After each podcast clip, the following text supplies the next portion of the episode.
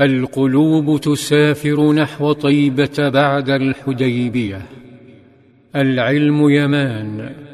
ينطلق من اليمن شاب تتمايل به مطيته نحو طيبة وبرفقته أمه المشركة العنيدة وخادم يخدمهما.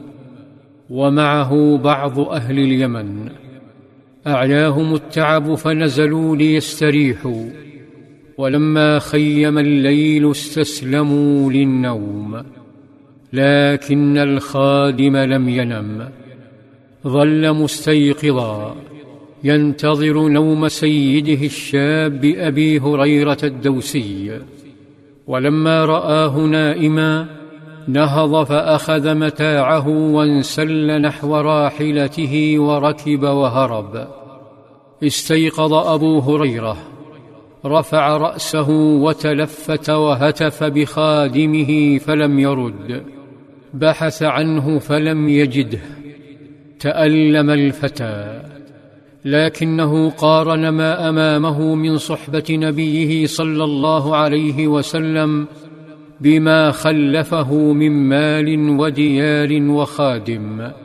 فقال يا ليلة من طولها وعنائها على أنها من دارة الكفر نجتي نهض أبو هريرة نحو أمه وأخذ بيدها وأركبها وواصل مع رفاقه سفرهم حتى احتضنتهم نخيل طيبة قبيل الفجر. سارت قافلة اليمن خلال الظلام. يحدوها قبيل توقفها صوت لا يشبه صوت بلال. تهادت الرواحل نحو مصدر الصوت حتى أوقفتهم بباب مسجد رسول الله صلى الله عليه وسلم. أناخوها وأنزلوا هوادجها ثم توضاوا ثم دخلوا المسجد الذي تومض جدرانه من الداخل بضوء السرج. فإذا النساء أكثر من الرجال. صلوا ركعتي الفجر وأقيمت الصلاة فلم يخرج رسول الله صلى الله عليه وسلم. استغرب أبو هريرة وزاد استغرابه حين رأى الرجل الذي يؤم الناس. حدق به فلم يسمع أحدا يناديه برسول الله. إنه سباع بن عرفطة الغفاري. كبر سباع فكبر الرجال والنساء. وقرأ الفاتحة وسورة مريم أو جزءا منها. وقرأ في الركعة الثانية ويل للمطففين الذين إذا اكتالوا على الناس يستوفون وإذا كالوهم أو وزنوهم يخسرون. سافرت تلك الكلمات التي تحارب الفساد والغش التجاري في الأسواق.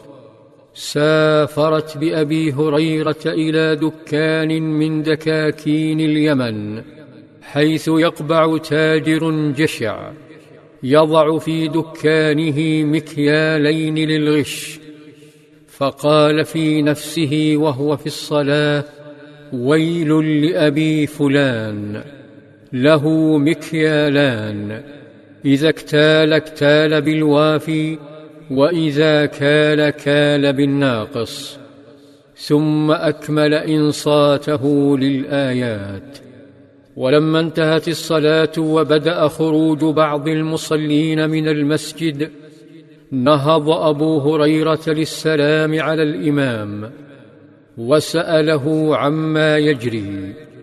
أين القائد صلى الله عليه وسلم؟ أين أبو بكر وعمر؟ أين المهاجرون والأنصار؟ رحب سباع به وبمن معه ثم زودهم بالطعام وما يحتاجونه. وأخبرهم بسر مغادرة النبي صلى الله عليه وسلم المدينة بعد ثلاثة أيام من عودته من الحديبية.